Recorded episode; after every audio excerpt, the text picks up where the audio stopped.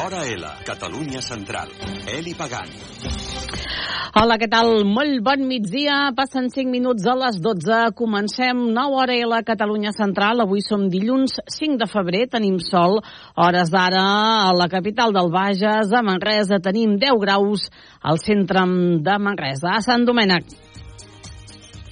Els explico què és el que tindrem avui en aquest Orela Catalunya Central. Ja ho saben que nosaltres tots els dilluns coneixem en profunditat una personalitat, una persona de casa nostra, de la Catalunya Central.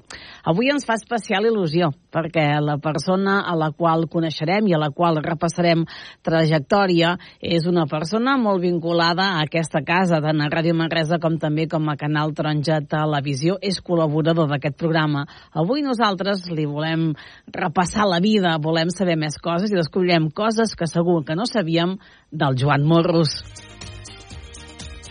I avui, en aquests minutets que ens guardem tots els dilluns per anar fins la U Manresa FUB, els volem parlar d'una exposició. Ja ho saben, que aquest espai de la U Manresa FUB, en el marc dels Estudis d'Educació Infantil, eh, tenen aquest espai, aquest fons documental de Josep Maria Eloi, amb més de 3.000 documents. Doncs bé, la U Manresa FUB, juntament amb la Universitat de Lleida, han presentat la setmana passada una exposició que es pot veure al vestíbul de la FUPU amb un títol prou bonic, el llibre Una finestra oberta al món. Aquesta exposició de Josep Maria Eloi sobre Josep Vallverdú. En parlarem avui amb la Sílvia Mas.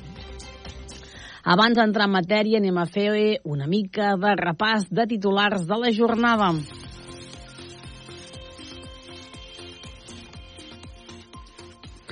La sequera està acabant d'escanyar els pagesos i les restriccions imposades pel decret d'emergència els poden acabar de posar el peu al coll. Les normes que imposa el decret d'emergència a les més de 200 poblacions que s'hi troben immerses obliga els pagesos i ramaders a estalviar entre el 50 i el 80% d'aigua, un fet que ells veuen absolutament impossible. D'entrada, perquè és impossible passar sense donar aigua al bestiar i de sortida perquè veuen injust que al sector primari se'ls imposin unes restriccions molt més severes que altres, com la indústria o el turisme. Aquestes restriccions d'aigua venen a sumar-se als problemes que pateix la pagesia catalana i que es visibilitzaran aquest dimarts amb múltiples tracturades per tot el país. A la Catalunya central, les mobilitzacions dels pagesos tallaran carreteres als principals eixos des de primera hora del matí d'aquest dimarts.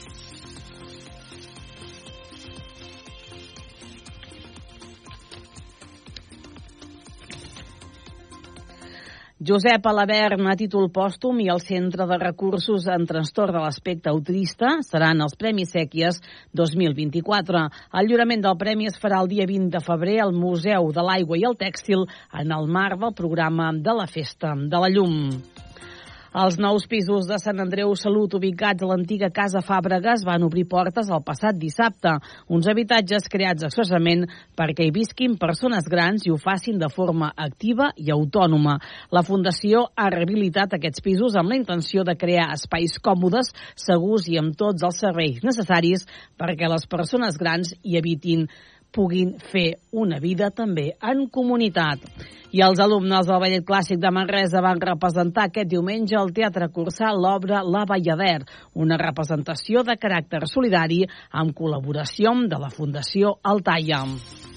I pel que fa als esports, victòria in extremis d'ahir del Baxi Manresa davant del Granada amb un triple als darrers segons que va donar la victòria als homes del Pedro Martínez i nova derrota del Centre d'Esports Manresa. Si parlem de portades, anem al diari Regió 7, que diu que Montserrat es nega a indemnitzar la víctima que va destapar el cas dels abusos sexuals. I també primeres imatges de Dani Alves al banc dels acusats, i és que avui comença el judici a Barcelona. Ens anem a l'equip Berguedà Berga envaïda pels cotxes. Així s'està disparant el trànsit a la ciutat. Els desplaçaments en cotxe superen per primera vegada els desplaçaments a peu a Berga i el parc de vehicles arriba a màxims històrics. El PSC diu en té punt una proposta per alçar l'estació de busos de Berga al Parc de les Aules. I Solsona diu que el Carnaval infantil reconeix amb un mocós a Raquel Vila, Jofre Arisa i la colla gegantera. També lliura el premi del cartell del Carnaval infantil a l'Abril Llena. També diuen que el conseller d'Acció Climàtica ha visitat Solsona.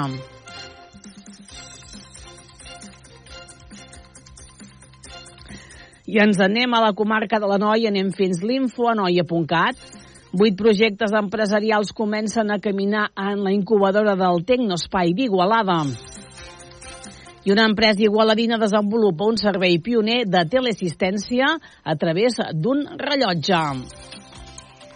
Si ens anem a la previsió meteorològica per canvis per avui dilluns, i és que ens espera una jornada assolellada amb màximes que en algun punt a la Catalunya central avui podrien tornar a ser molt altes, com portem el cap de setmana, i arribar als 23 graus al migdia.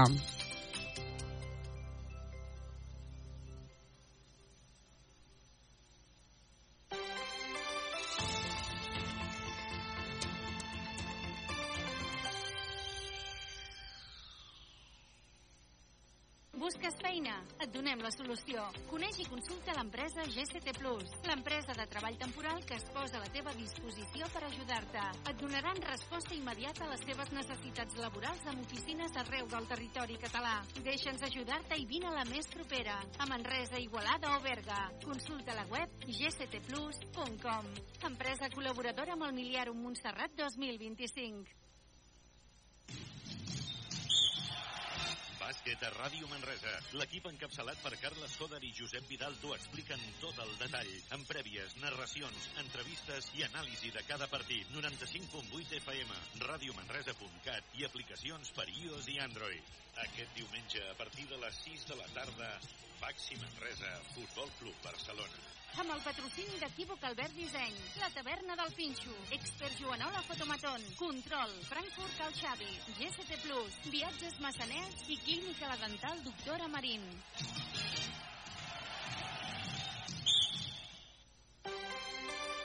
Hora L, Catalunya Central. Eli Pagant.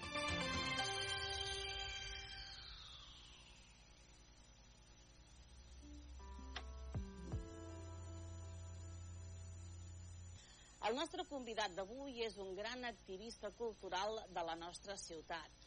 Ara, si parlem d'ell, el seu nom va molt lligat al Galliner i al Teatre Cursal de Manresa. També és un gran col·laborador d'aquesta casa, de Canal Taronja, de Ràdio Manresa. Normalment no parla mai d'ell, però avui sí que l'hem convidat per parlar de la seva trajectòria. Donem la benvinguda i saludem el Joan Morro. Joan, què tal? Hola, molt bé.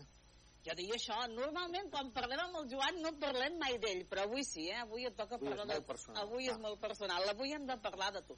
Joan, evidentment, manresà, de Manresa. Ah, sí. De quina zona? On vas néixer? Vaig néixer a la carretera del Pont de Vilomara, que és on segueixo, on segueixo vivint, eh, d'una família treballadora, eh, amb, amb, amb, molts, amb molts fills, no? Som, som sis germans, per sort, i som tots encara, i, i allà vaig viure doncs, tota, la, tota la infància, després vaig deixar de, una temporada perquè vaig anar a viure a Barcelona i, i ara després doncs, segueixo vivint allà, la meva mare viu al pis de sota i ara em dedico les tardes cada dia doncs, a estar amb ella doncs, un parell o, o tres d'hores i ens ho repartim, perquè té 97 anys i ens ho repartim amb els, amb els meus germans. Com era? Sis germans. Déu-n'hi-do, família nombrosa, però clar, molt nombrosa. Com era? Sí. Viure amb sis germans. De quin, quin, a quina posició està, Joan? Jo era el segon. El segon. Tinc una germana, germana més gran i després ja vinc jo i després van venint tots els altres i el meu, totes són germanes, menys l'últim, eh, que, que és el meu germà, que té 10 anys, 10 anys menys, no? I ara recordo doncs, una curiositat, una anècdota, no?, que quan el van batejar, quan va néixer, no?, jo tenia 10 anys i em van fer, ens van fer padrins a la meva germana i a mi i sé que quan el van batejar allà a, a l'hospital, a l'església de l'hospital, eh, jo no tenia prou forces per aguantar-lo i el va agafar la meva, la meva germana i sóc el seu, el seu padrí. Joan, on estudies? Estudio a, a la Salle, bueno, primer a Casa Caritat, molt a prop de, molt a prop de, de casa, amb les, amb les monges que hi havia, que hi havia allà, i després passo a, a la Salle, on començo doncs, el, el primer curs, segon, tercer, em salto, em salto el que se'n deia l'ingrés abans de fer el batxillerat hi havia un curs que es deia l'ingrés, però amb uns quants que, que ens tocava ja fer-ho per, per raons organitzatives van dir, que doncs us examineu de l'ingrés, que crec que ho vam anar a fer a l'institut, però sense, sense fer el curs d'ingrés, i vam saltar de, de tercer, de tercer de primària, no sé com se'n deia llavors, al batxillerat. Faig tot el, tot el batxillerat allà, el batxillerat eh, elemental que es deia, la revàlida, és l'única taca negra que tinc al meu d'això de suspendre, Ah. suspendre la revàlida, cosa dels, dels primers amors i d'aquestes coses que està De la al cap, de la joventut. això, però després doncs eh, recupero, recupero la, la, la revàlida i acabo el cinquè i el sisè de batxillerat a, a la Salle, del qual en tinc molt bon, molt bon record i de fet amb, amb companys amb, amb, amb els que vam fer quart de batxillerat no? que era l'any 68 eh, ens trobem cada cinc anys fem una, una trobada i bueno, compartim doncs, records i bueno, fem un dinar i fem alguna visita l'última l'hem fet aquest any passat que vam anar a Sant, a Sant Benet i després doncs, tinc, tinc molt bon record de, del meu pas per, per, per la Salle i les possibilitats que vaig tenir allà també de- d'iniciar-me també amb, amb, quan ja teníem fèiem cinquè i sisè doncs fèiem una revista, fèiem cinefòrum vam fer un, un grup que ens dedicàvem a filmar i després d'acabar el batxillerat vam seguir-ho fent, vull dir que fi, Vaja, que ja ho un, portaves. bon, un ja, bon record Ja ho portaves, això, eh?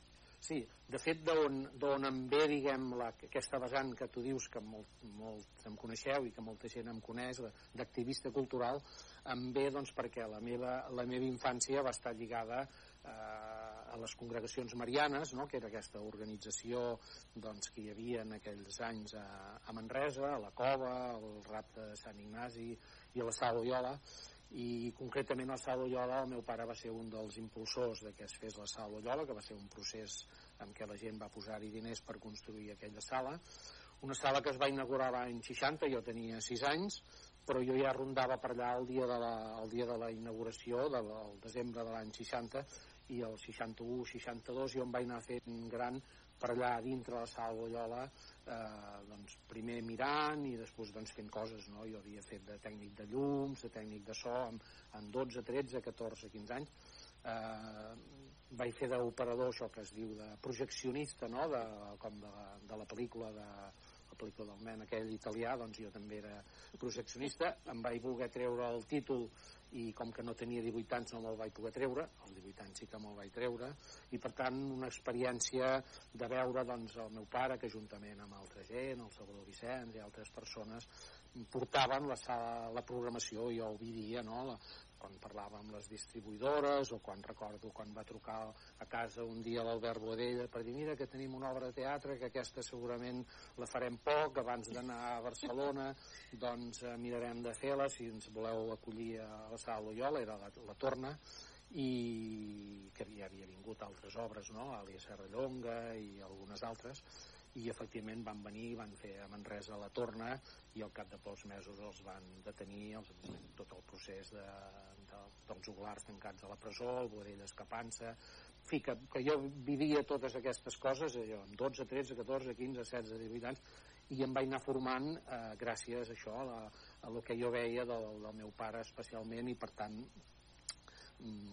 hi ha gent que diu no, s'ha fet a un mateix, jo no m'he fet ell mateix jo m'he fet gràcies a les circumstàncies d'haver-me empapat de, de, de moltes coses d'aquest món no? d'estar de, darrere de bambalines diguéssim, no? de quan hi havia festivals i quan hi havia concerts matinals de música rock que es feia doncs, a, a la sala Loyola al, al cineclub, jo anava eh, els divendres al vespre que es feia cineclub i em posava per allà i veia la pel·lícula, jo no en tenia, no en tenia res d'aquelles pel·lícules tan rares, em recordo el Fellini Siete i Medio, el Marçal fent de presentador, i tot això són imatges de, de, bueno, de, de, de, de, de, del funcionament d'una un, sala que era la sala, la sala Loyola. Ah, per tant, això sí que ho portaves a la sang, Sí, eh, Joan, sí, sí. I, des de, i des de ben jove.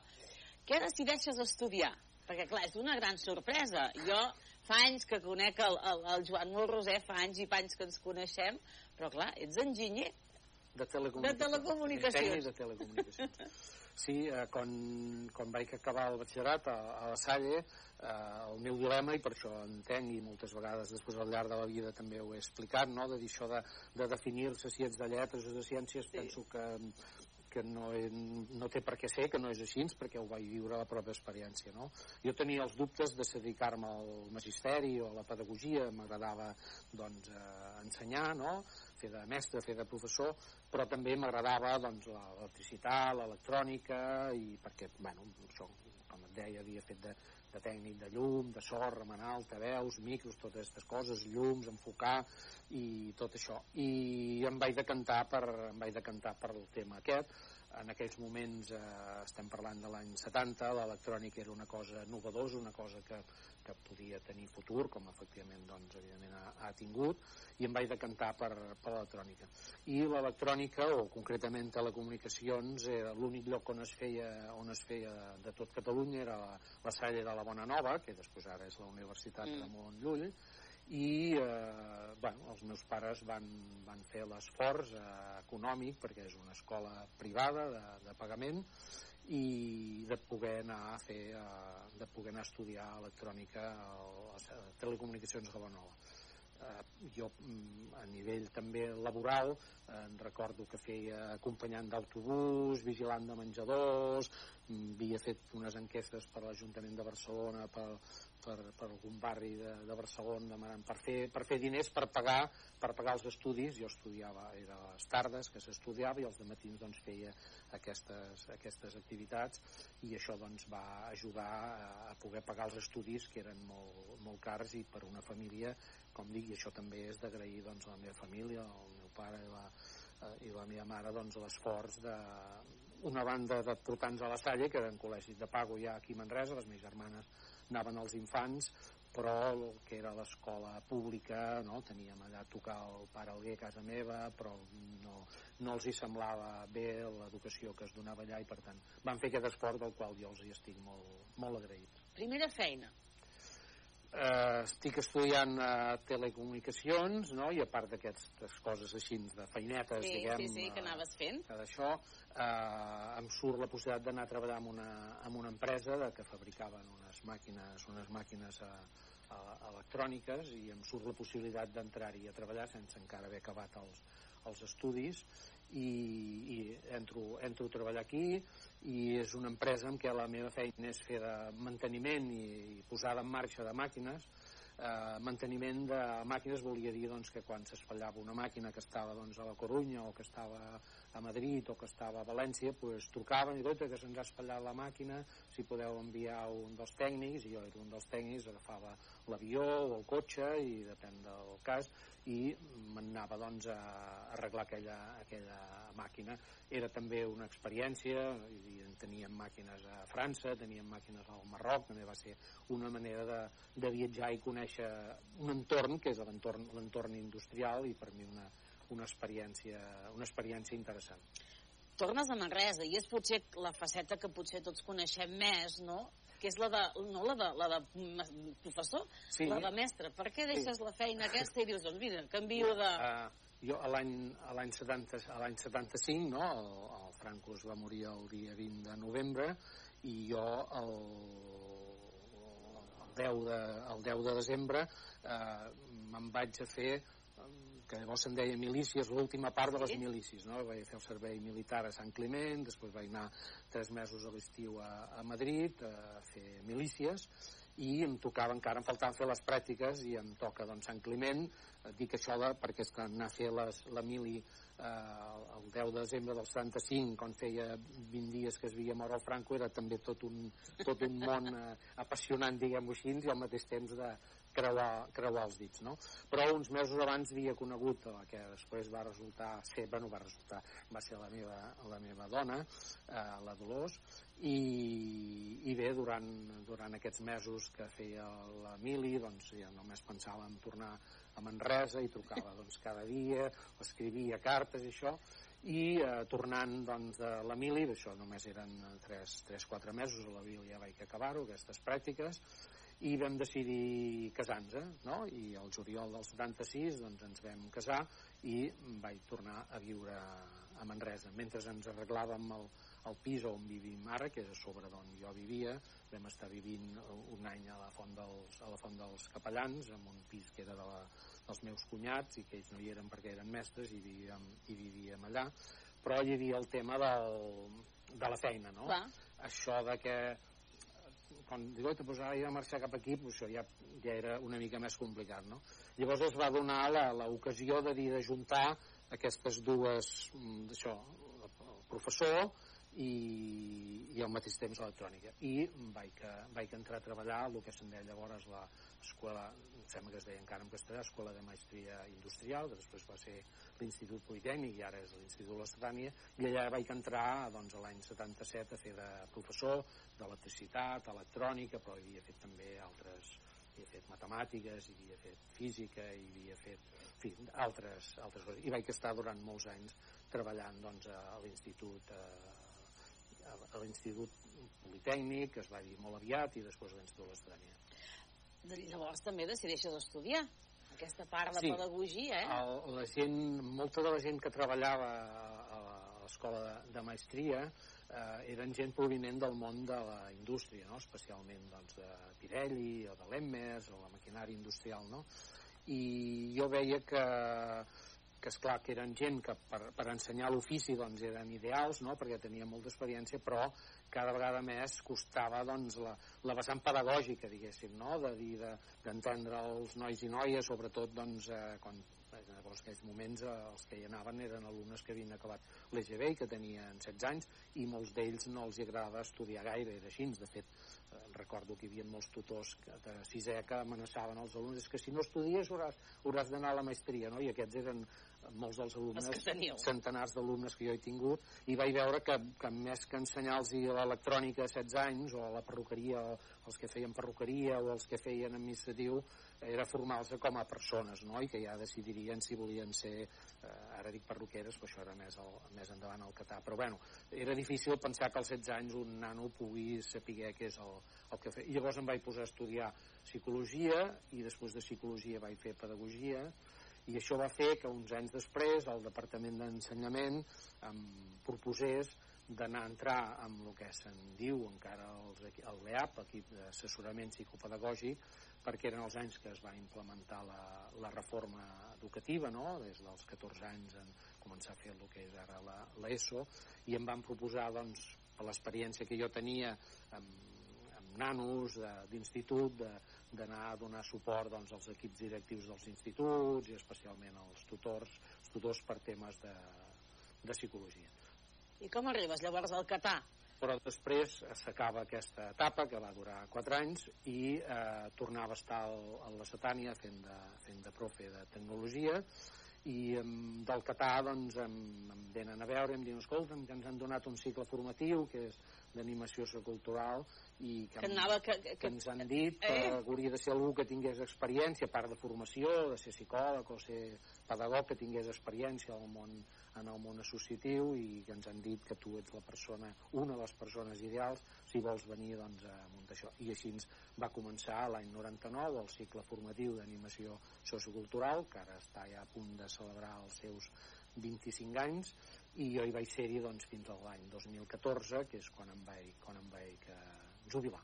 content i orgullós d'aquest cicle i de Sí, veure que sí. tira, que tira endavant una, una experiència també doncs, de, en molts casos d'explicar coses que jo havia fet a la, a la pràctica i per tant els coneixements que jo tenia pràctics de transmetre'ls i transmetre valors i en fi, i, i una experiència vam viatjar molt no? vam, anar, vam anar a Bolívia vam anar al Senegal, al Marroc hi hem estat molts cops amb alumnes a Grenoble i per tant també una experiència d'aquests anys d'animació cultural uh, algú dirà hem començat l'entrevista dient que el Joan Morros eres un gran activista cultural de la ciutat. N'hem parlat, eh, amb els inicis de la sala Loyola. Però és que n'hi ha tantes que jo no sé si tindrem temps d'anar una per una, perquè és Rialles, Tabela, Bloc, el Pou de la Gallina, també un dels creadors del Pou de la Gallina, i llavors ja el més actual, el Galliner, i també doncs, tot el tema del, del teatre cursal. Tot comença amb Rialles, Sí,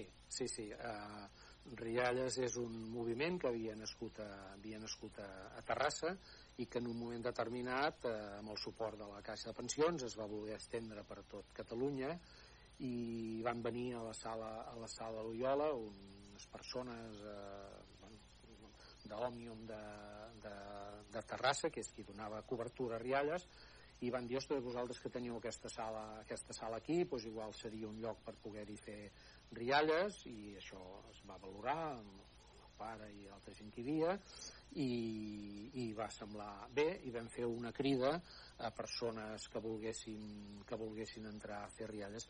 I tenia la característica que després jo he anat replicant amb totes aquestes altres entitats que és que un grup de persones m'agrada dir normals i corrents, se'n cuiden de la programació, en aquest cas dels espectacles de, llavors se'n deia per nens i nenes, ara se'n diu de públic familiar, i consistia en això, en anar a veure espectacles eh, a nivell d'on fos, i després doncs alguns portar-los a Manresa i així ens va començar la programació, això era l'any 77, encara hi havia l'Ajuntament no democràtic, tot i que l'alcalde que hi havia en aquell moment, el Ramon Roqueta, doncs era una persona en fi, democràtica, jo penso, però encara, encara no hi havia hagut les primeres eleccions municipals, que van ser l'any 79, i així ens va començar Rialles, amb el Jaume Puig, el Pep Soler, eh, el Pere Camproví, l'Ina Bailac, i tot de persones que van estar disposades a fer aquesta feina, ens, ens reuníem, eh, valoràvem els espectacles i allà vaig aprendre, jo crec que Rialles va ser una, una escola, i és ara, és, imagina, no? una escola de, de dinamització i d'aquesta manera de, de funcionar molt important, de fet eh, el, el primer any ja es va fer el, el primer Carnestoltes de, de, de Manresa, no? que encara, encara perdura, es va fer rialles als barris, a la Font dels Capellans, a la plaça Catalunya, i per tant Rialles va tenir un pòsit important que fa que encara ara continuï amb el nom d'Imagina't. Llavors van dir que una podia ser Eva de l'altra, és a dir, ens anem, per exemple, a Tabela, Bloc, és a dir... Sí, sí, sí. Uh, jo vaig veure que el que fèiem per nens i nenes es podia fer també per, per, per joves, no? I a mi no, no m'ha agradat mai estar a diverses entitats, encara que molta gent es pensa que estic ficat a tot arreu, en realitat, en realitat poques vegades he estat a més d'una entitat, i per tant, doncs, bueno, Rialles ja estava en marxa, funcionava, i jo vaig buscar un equip de gent, un dels quals és el Ramon, el Ramon Vila, i els hi vaig exposar doncs, eh, la idea de dir, podríem fer el que fan Rialles, però per públic, per públic jove, no? i portar els diumenges a la tarda a la sala Loyola, portar eh, obres, de, obres de teatre, o portar concerts o portar sessions de cinema i així ens va començar la programació de, de Tabola amb això, amb el Ramon Font de Vila però també amb la Núria Torra l'Anna Rius, el Xevi Oliver amb tot un grup de persones que el mateix anàvem a veure espectacles i després doncs, els portàvem a la, a la sala a la sala Loyola Bloc similar? Sí, eh, al cap d'uns anys el de Tabola va acabar diguem malament per un desencontre amb l'Ajuntament justament per, perquè demanaven, reivindicaven doncs, que una inversió important a la sala, a la sala, a la Loyola i, no, i, i no, nosaltres ens va semblar que, no, que el que es faria era una mica un pintat però de, en fi, una mica i que no hi estàvem d'acord i vam deixar-ho vam deixar córrer però al cap de, al cap, al cap de poc, no? a l'any 86, doncs, amb un altre grup de persones, alguns que eren de Tabola, però altres nous, llavors treballava al, al, a l'Institut de la Setània, vam crear l'associació cultural Bloc, de la qual va començar sent un punt d'informació juvenil, allà als baixos de l'Institut de l'Institut de la Setània, però que de seguida ens vam posar a organitzar altres coses coses, algunes de les quals encara se segueixen fent, trobar delegats d'ensenyament secundari del Bages, la Fira de l'Estudiant, tot això són iniciatives de bloc, i el que ens va donar més nom i que molta gent segurament recordarà són els concerts, no?, que es deien Musibloc, no?, i, i allà hi havia ja la sala 2000, una sala de 600, de 600 persones, i els primers concerts que vam començar a fer de, de, de, el que era, va, va ser el rock català, no? recordo eh, la pista Castell un diumenge a la tarda eh, amb el Sopa de Cabra, que un cop acabat el concert vam fer un partit entre els de Bloc i els de Sopa de Cabra doncs allà mentre es anàvem desmuntant i això i després Bloc va anar creixent vam portar doncs, Sopa de Cabra al mil centenari amb més de 3.000 persones el Sau, Sant Traït vam fer un dels primers concerts el mateix dia Sau, Sant Traït i els Pets, no? abans de que a Barcelona es fes el, el Sant Jordi amb els quatre grups, nosaltres ja havíem fet aquest al, al Palau Firal i Musibloc doncs, va tenir també una, una extensa d'això, i jo vaig deixar de fer-ho, de ser-hi a l'any 95, perquè vaig entrar a fer, a fer el galliner, que era una altra, una altra de les entitats. Ens guardem aquests últims minuts per parlar doncs, del, del galliner i el, i el cursal.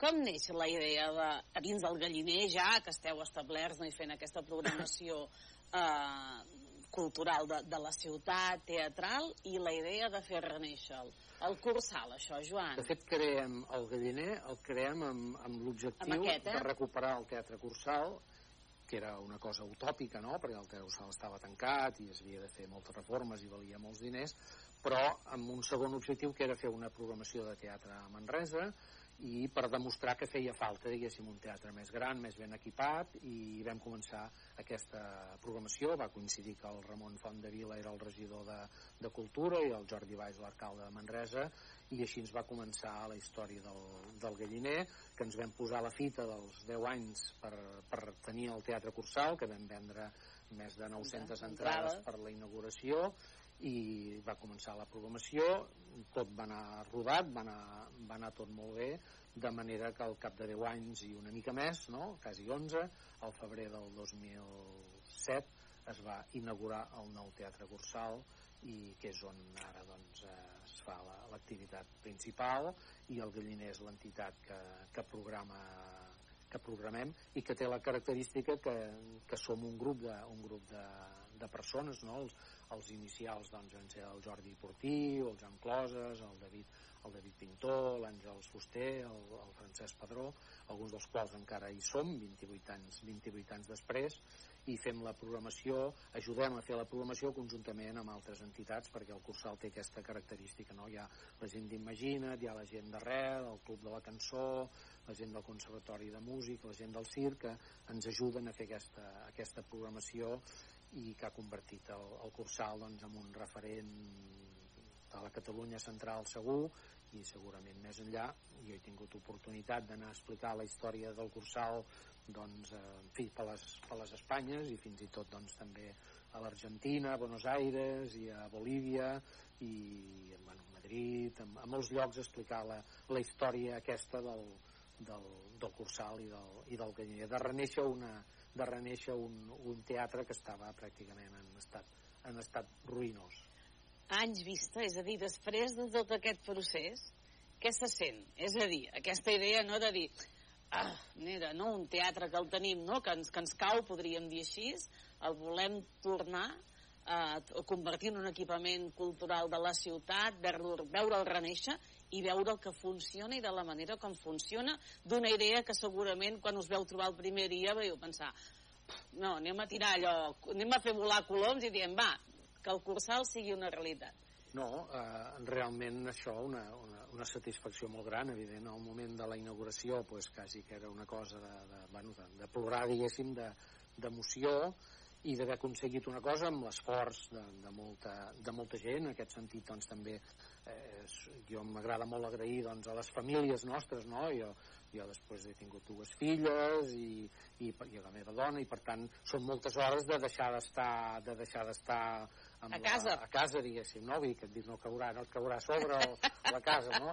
I per tant, en aquest sentit, però veure com, eh, com ha valgut, ha, valgut la, ha valgut la pena i la satisfacció la satisfacció d'haver aconseguit una cosa important i que la gent eh, estima, estima el Cursal, se l'ha fet seu, això que ara es diu el Cursal té un bon relat i això fa doncs, que, que, que hagi valgut la pena i que valgui la pena i que mentre, mira, jo aquesta setmana faig 70 anys i de moment pues, amb ganes de seguir, de seguir fent i mentre hi hagi la gent de l'equip amb què som i tota la gent, els professionals que hores d'ara doncs, ja és l'empresa del Cursal però que nosaltres seguem perquè tot això no ho hem dit, però això, tot això ho fem per amor a l'art, diguem no? hi ha gent que es pensa que jo treballo al Cursal o que jo cobro un sou i més aviat ara no tant però he fet moltes despeses, si no demaneu la meva dona de, de telèfon i de, i de quilometratges i de, i de despeses que encantat de la vida de, de poder-les gastar, gastar els diners amb això, però evidentment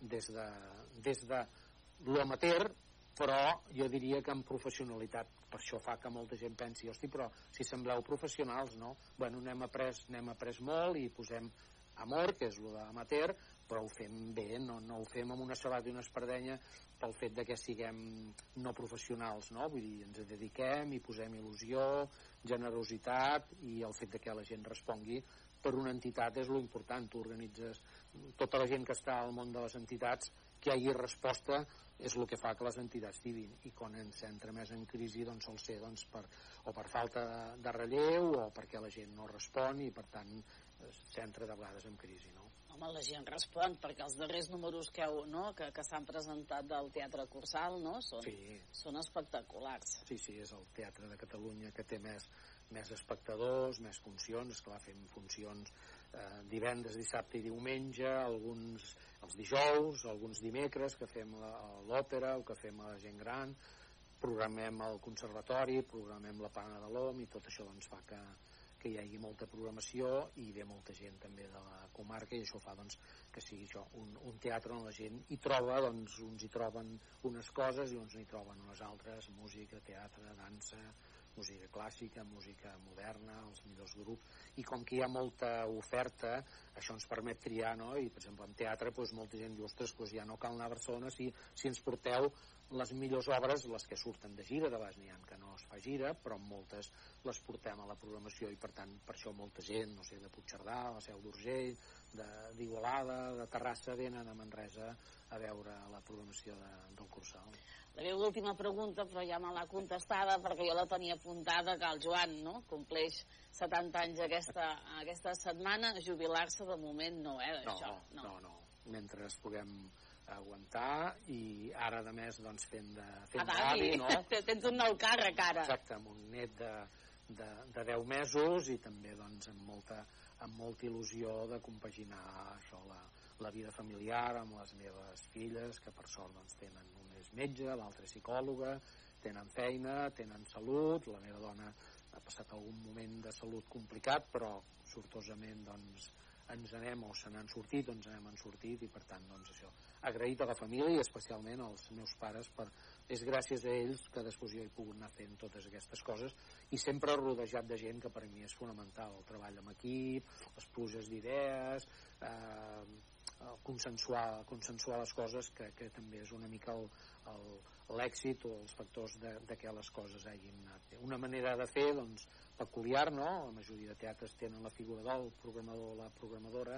A Manresa té un equip de persones, que ja dic, nosaltres som una quinzena de, del galliner, però, però darrere hi ha 25-30 persones més doncs, que ajuden a la, a la programació. Joan, moltes gràcies. A seguir treballant. A vosaltres, perquè molt personal, que segur que a gent li haurà cridat l'atenció. Ah, mira, això...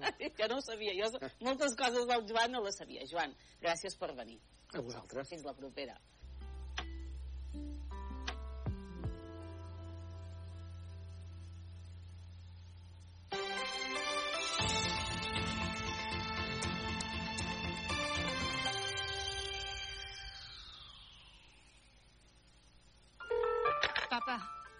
Escolta. Haig de dir-te una cosa important. Digue'm, filla. Estic embarassada.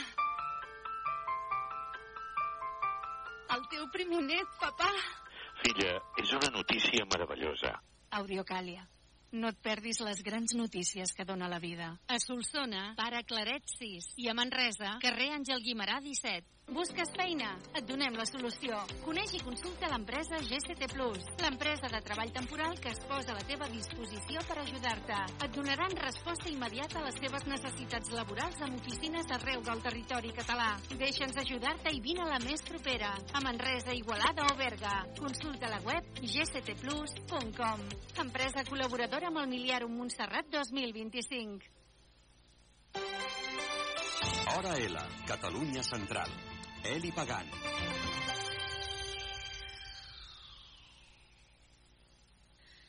Nosaltres, en aquest hora i la Catalunya Central d'avui dilluns, saben que cada dilluns en aquest programa ens anem fins la U Manresa FUP. Avui nosaltres no volem parlar d'una activitat concreta de la FUP, sinó que volem parlar d'una exposició. Una exposició que es va inaugurar la setmana passada, concretament el 31 de gener. Una mostra que porta un títol eh, molt bonic que es diu el llibre una finestra oberta al món. Avui en volem parlar, volem parlar d'aquesta exposició vinculada a en Josep Maria Eloi, a la figura d'en Vallverdú, d'en Josep Vallverdú. Avui hem convidat en aquest Arela Catalunya Central a la Sílvia Mas. La Sílvia és vicerectora del campus Manresa de la UBIC UCC.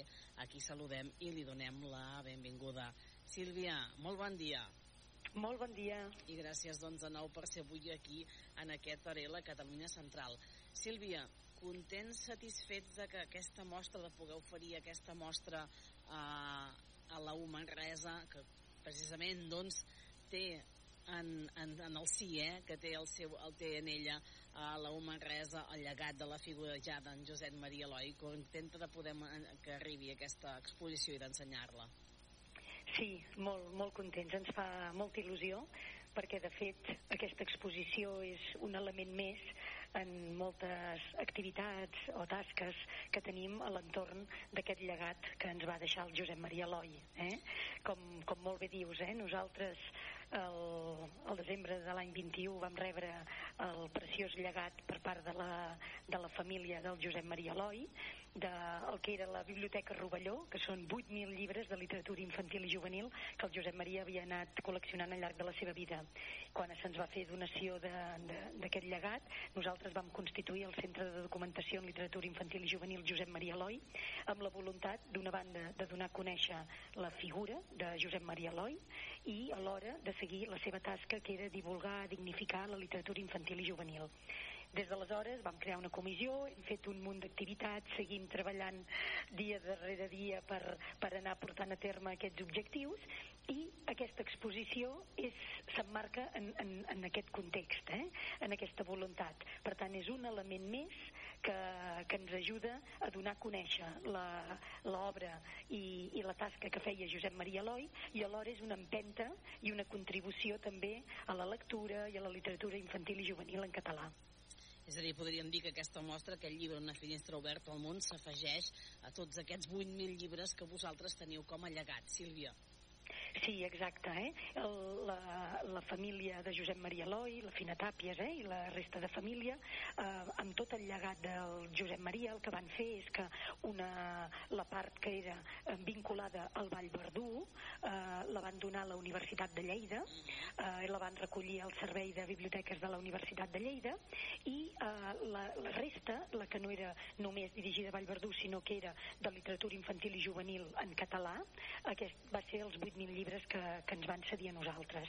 Aleshores, eh, el que és bonic d'aquesta iniciativa és que aquesta exposició que tenim ara aquí que, i que es pot veure mm, té el seu origen eh, a Lleida. És a dir, és Lleida la que, la que comença a oferir aquesta exposició. En el seu cas es titulava Fons Josep Maria Eloi, dos punts, mostra bibliogràfica, en què volien eh, mostrar quina era la donació que havia fet la família no? en relació a l'obra de, de Vallverdú.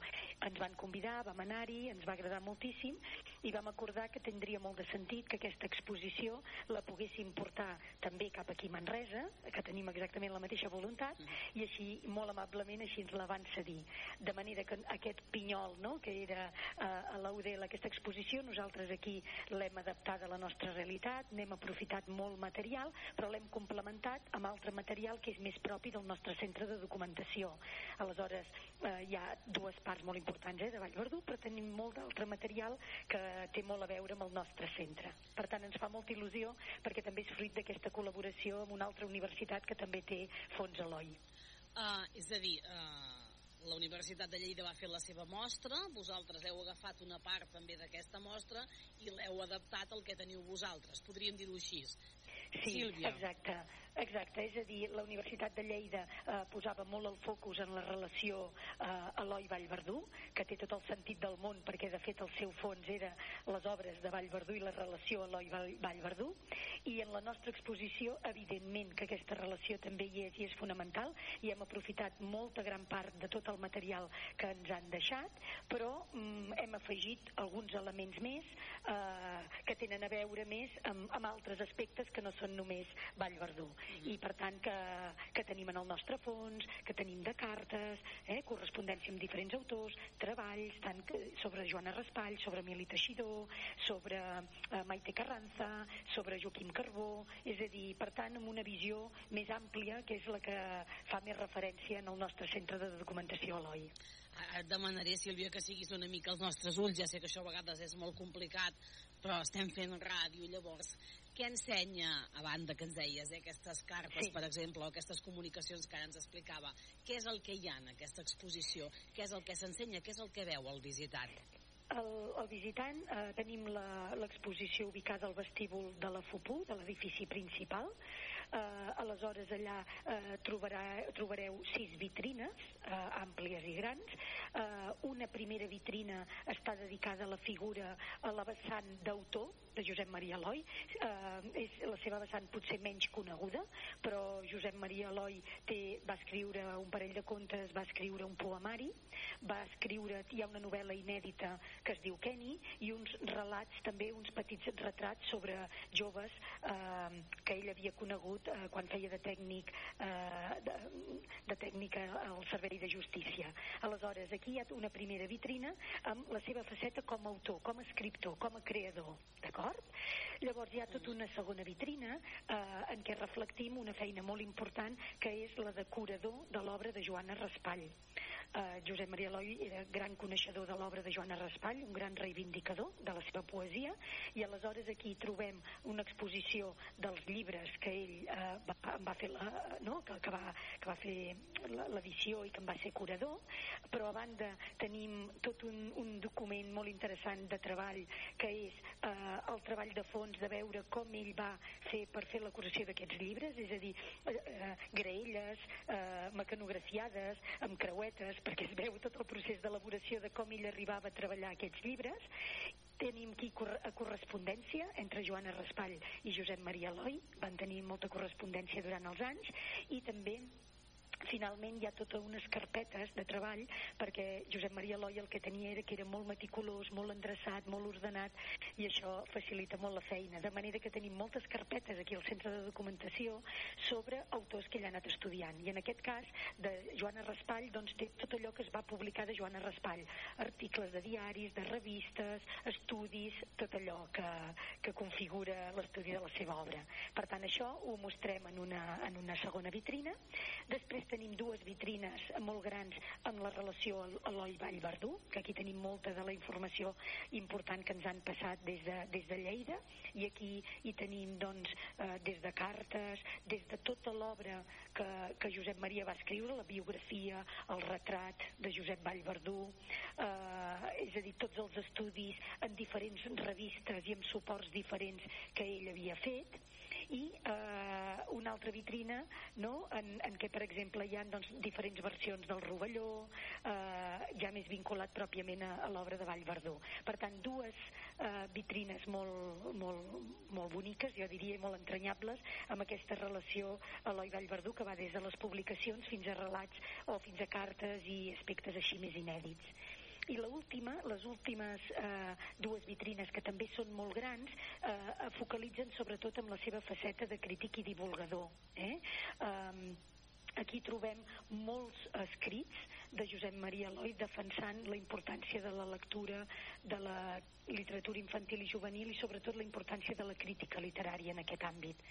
Uh, aleshores aquí fem una recopilació de textos que són rellevants, uh, fem també una recopilació de documents en què ell uh, estudiava autors com Emili Teixidor, Joaquim Carbó, Maite Carranza, Gené Manila, que són autors que ell havia reivindicat moltíssim. I per tant aquí uh, en, en fem una mostra àmplia, àmplia de tota aquesta relació de, uh, de Josep Maria Eloi amb aquests autors que va cuidar i que va donar a conèixer, eh? a part d'altres documents també interessants com recopilacions que ell feia, per exemple, de premis literaris, de tot allò que tenia a veure amb l'ecosistema de literatura infantil i juvenil dels països catalans i que abraçava tant les Illes Balears com el País Valencià com el Principat. Mm -hmm deies no, que aquesta exposició, tot aquest, tot aquest material que ara ens explicava la Sílvia està ubicat al vestíbul de, de la FUPU.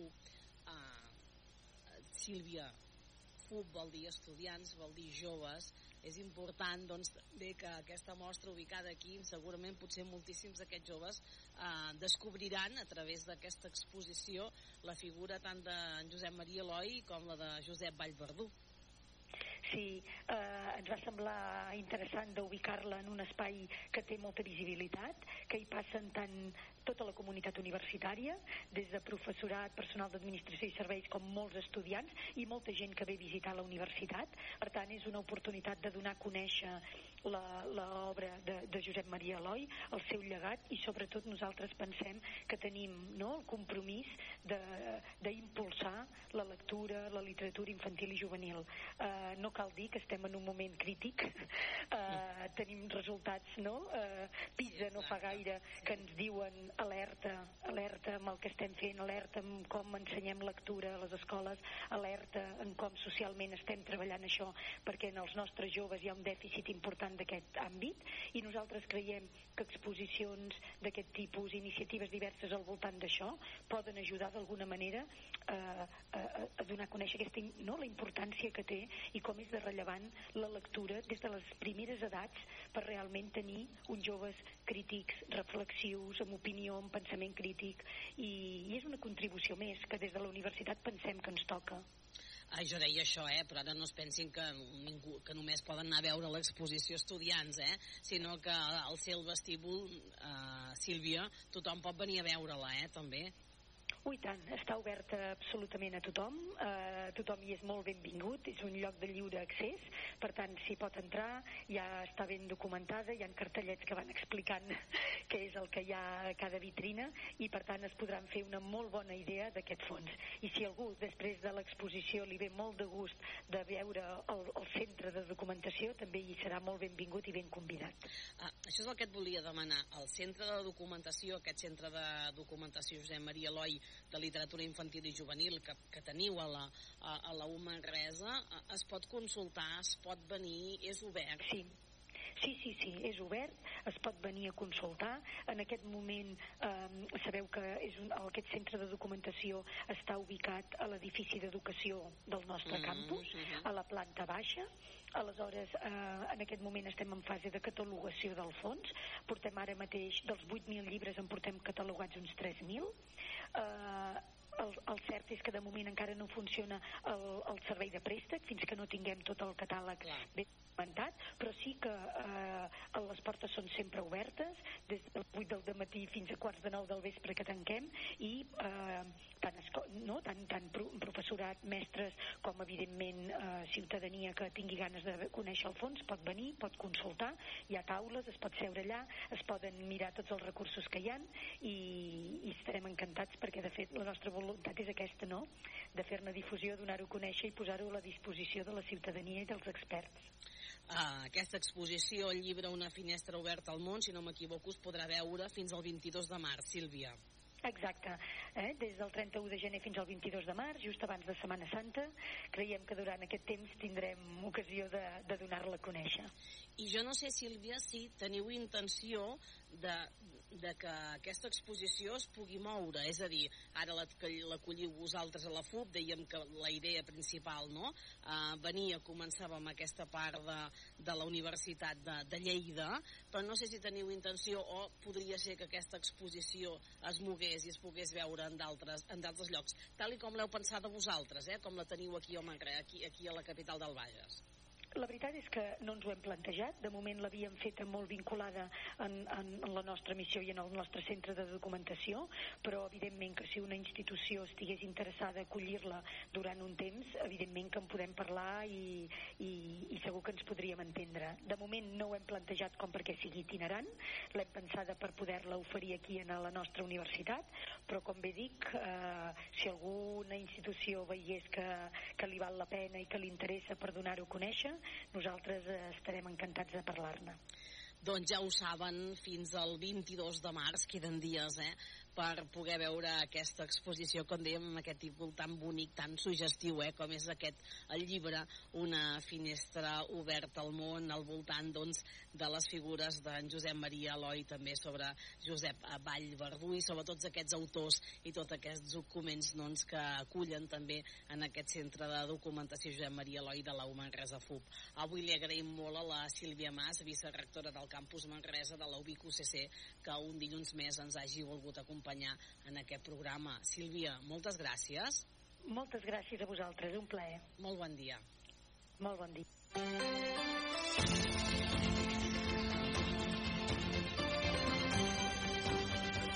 Hora L, Catalunya Central.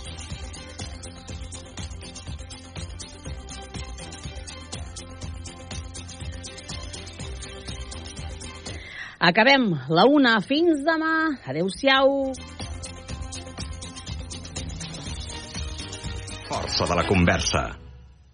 Accede al informe del fiscal del Supremo que rechaza imputar al expresidente catalán Carles Puigdemont por terrorismo dentro de la causa de Tsunami Democratic. Pedro Jiménez, buenas tardes. ¿Qué tal? Buenas tardes. El fiscal Álvaro Redondo descarta el terrorismo en el caso Tsunami y subraya que no hay indicios racionales de criminalidad contra los aforados, entre ellos el expresidente Carles Puigdemont, huido de la justicia. El fiscal solicita devolver las actuaciones al juez de la Audiencia Nacional, Manuel García Castellón, para que continúe con la investigación.